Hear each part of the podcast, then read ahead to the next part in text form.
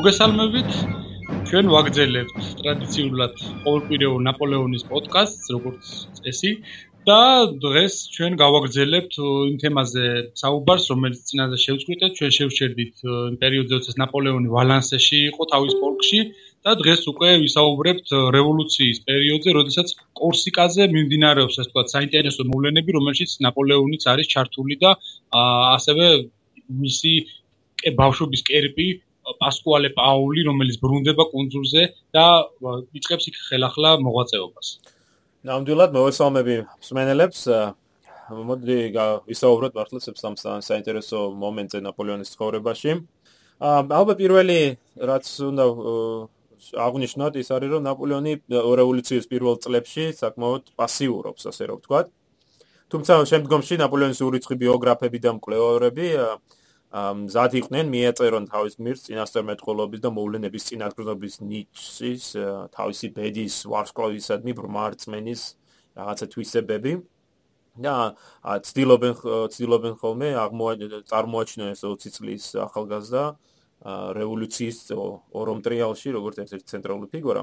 ასინამდვილეში ნაპოლეონი სწორედ რომ პატარა ქალაქ ხომ ჯერ ვალანსეში მე როაქსონში არის გარნიზონში და არც ისე აქტიური აქტიური არის ჯერჯერობით. მისი ძირითადი დრო უფრო თვით განათლებას ახმარს და ცდილობს აიკითხოს საკმაოდ ბევრი წიგნი, რომელიც როგორც ფილოსოფიური ისტორიული ხასიათის იყო. შეიძლება ითქვას, რომ აი განმანათლებელთა იდეების აღიარებას და გაზიარებასთან ერთად ბონაპარტემ საკმაოდ რთული გზა განლო, იმიტომ რომ არც სახსრები ქონდა საკმარისი, როგორც ჩვენ აღვნიშნეთ წინა პოდკასტში და არც სხვა პირობები უქმნიდა თქვა ხელს სამისად. მაგრამ ყოველ საღამოს განმარტოვდებოდა თავის პატარა ოთახში და კაცობრიობის გამოჩინილ შვილებთან, ხო, ფილოსოფოსებთან, ისტორიულ გმირებთან ატარებდა დროს. აი სანთლის შუქზე სწორედ თავჩარგული ეცნობოდა სოკრატეს, პლატონს, არისტოტელეს, პლუთარკეს, მაგრამ დრო უფრო და უფრო ეტანებოდა სწორედ განმანათლებლობის პერიოდის დიდ მწერლებს, როგორც იყვნენ დიდეღო, ვოლტერი, რუსო. აი ეს უკანასკნელი ჟან-ჟაკ რუსო განსაკუთრებით ზეგავლენა იქონია ნაპოლეონზე. რუსოს სოციალური კონტრაქტი ხომ საზოგადოებრივი ხელშეკრულება. საზოგადოებრივი ხელშეკრულება ზუსტად დანდი ზეგავლენა იქონია ნაპოლეონზე თავისი როგორც ფილოსოფიური ისე პოლიტიკური სამხედველობით და ნაპოლეონი იზიარებდა.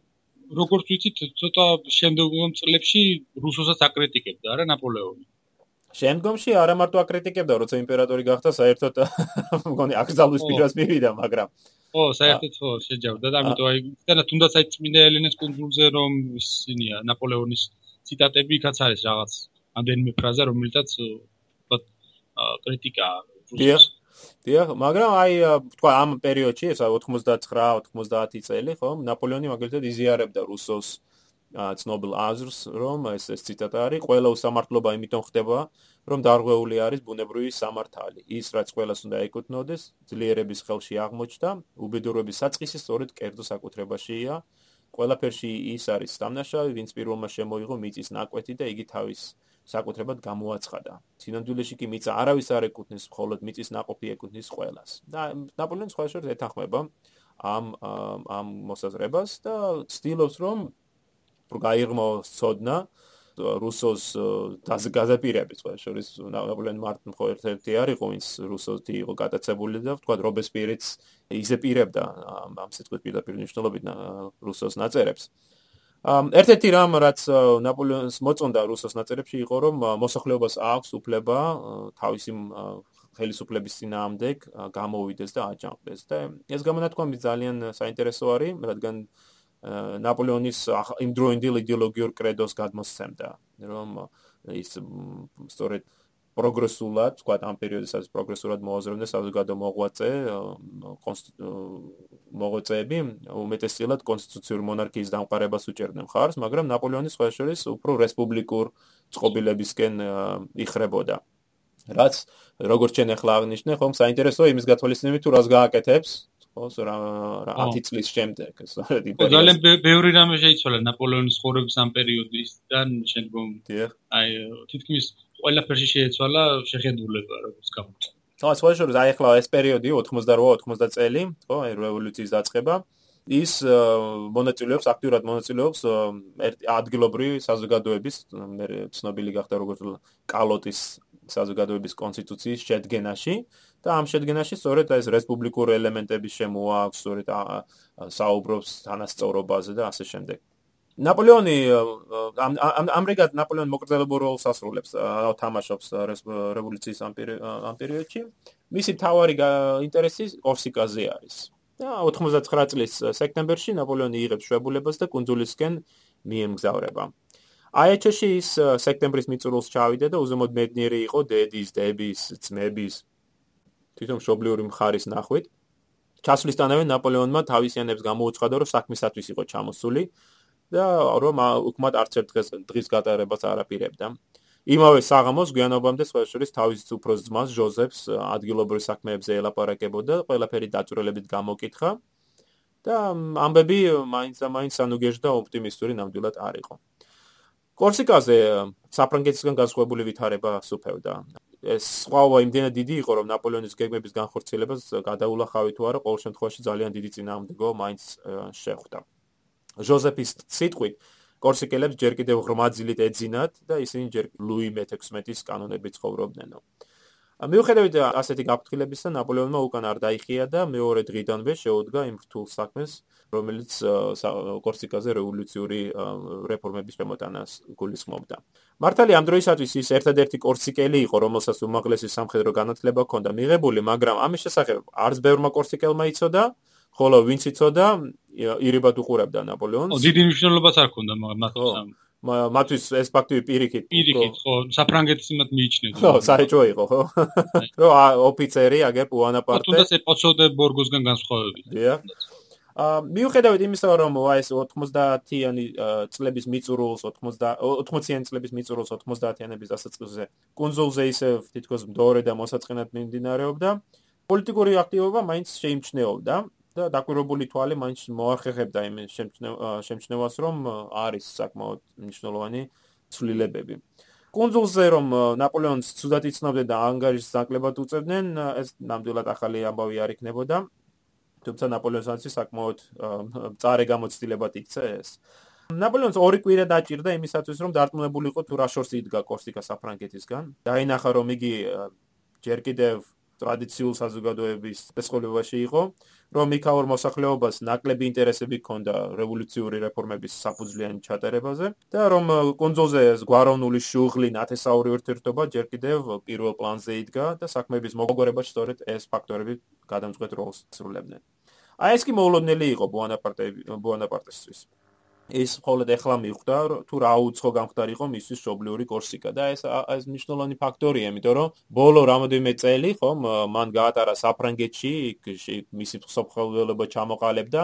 მართალია ჩვენ საუბრობდით ნაპოლეონზე როგორც კორსიკელ პატრიოტზე, მაგრამ ეს კორსიკა მის წარმოსახვაში რო შეიქმნა, ეს იდეალურ სამყაროთ, იდეალურ ხარეთ, ეხლა ის ხედავს რომ ის აბსოლუტურად განსხვავებულია. ბავშვობაში გაგონილ ლეგენდებს და საგმირო ამბებზე აგებული ოცნების ქვეყანა რეალობაში მეტად პროზაული აღმოჩნდა და ის თავის წარმოსახვაში შექმნილი იდეალური ხალხი და მხარე სწორედ არ არსებობდა. არადა გასაკეთებელი ძალიან ბევრი იყო ნაპოლეონისათვის და მის თანაზრახველებისათვის.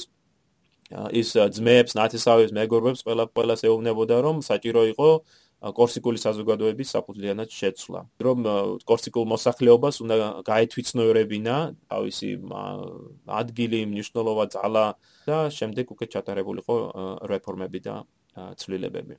ა პარალელურად ბონაპარტე ცდილობს რომ გავლენიანი კორსიკელები გადმოიბიროს თავის ხარეს ამ ბიზნით მან საკმაოდ დიდარი და შეძლებული ერთ-ერთი კორსიკული კლანის პოცუ დი ბორგოს ერთ-ერთი ახალგაზრდა წარმომადგენელი კარლო ანდრეა პოცუ დი ბორგო დაიახლოვა.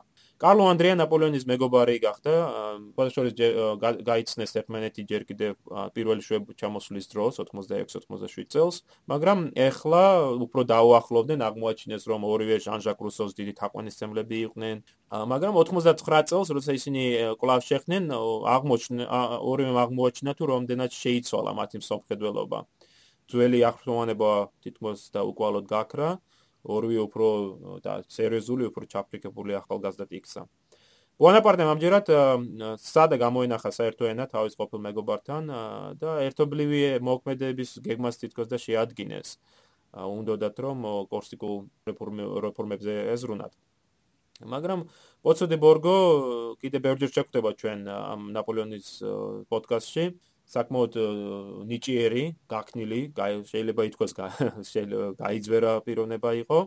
შემდგომში უკვე ნაპოლეონის ერთ-ერთი ყველაზე საშიში და დაუძინებელი მტერიც იქნება.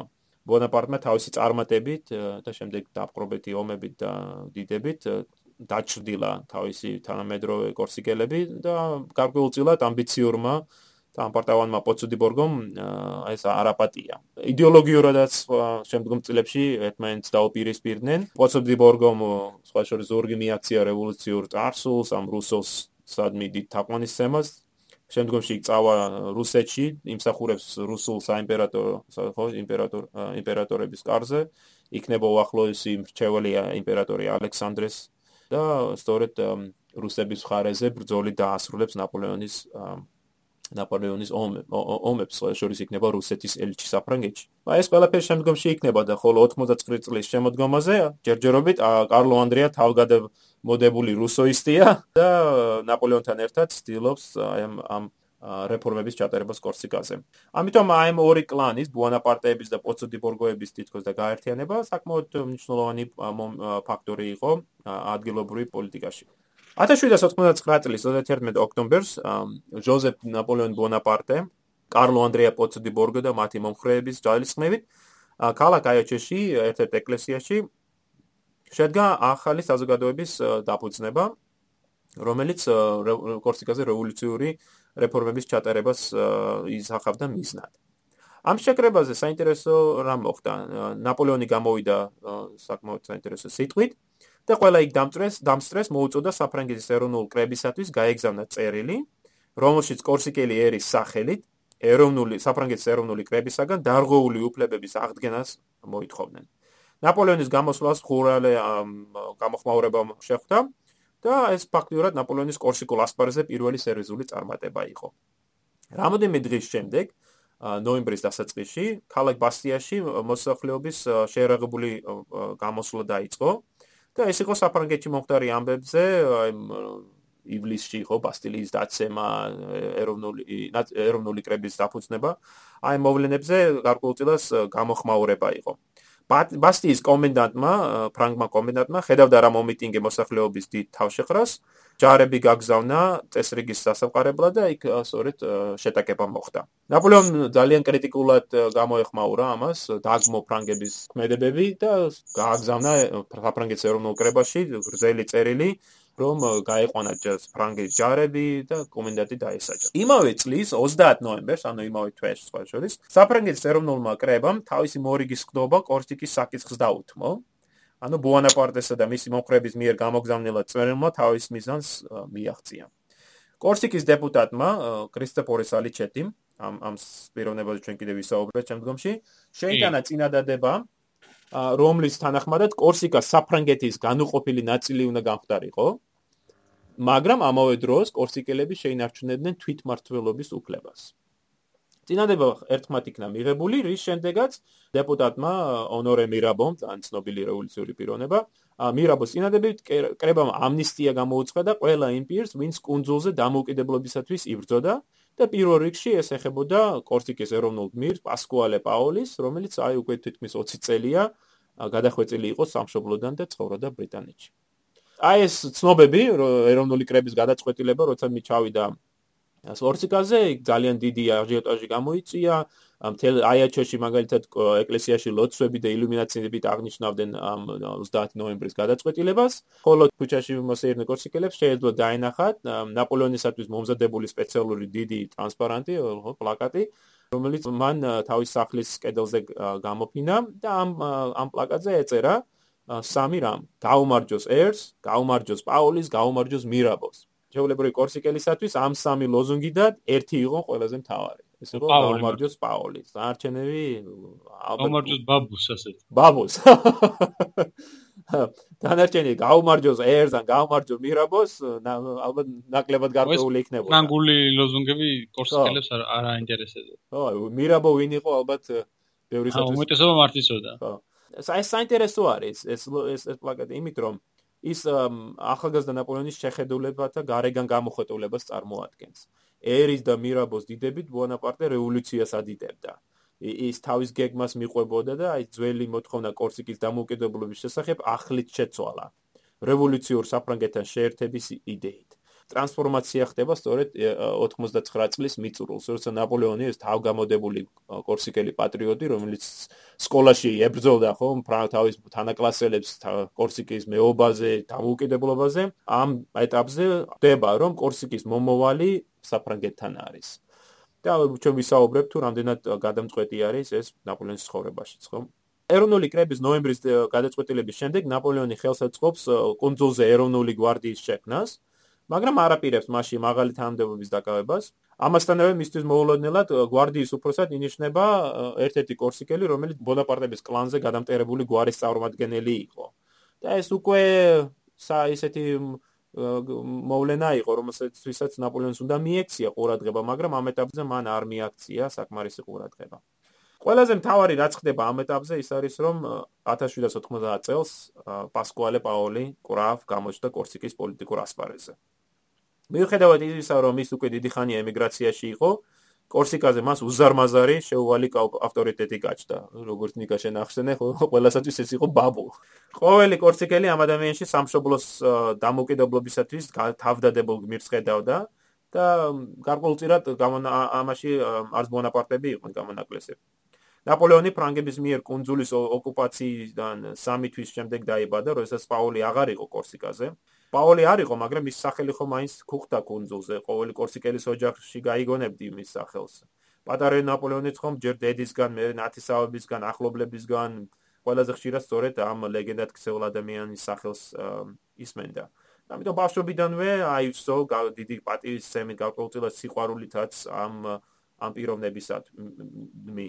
ჩვენ ხედავთ თქვა ჯერ კი ბრიენში, შემდეგ პარიზში სწავლების დროს ნაპოლეონს ეს ოცნებად ჰქონდა რომ შეესწავლა კარგად სამხედრო საქმე, შემდეგ დაბრუნებულიყო კორსიკაზე და ხელი შეეწყო პაულის დაბრუნებას და კორსიკისას დამოუკიდებლობას.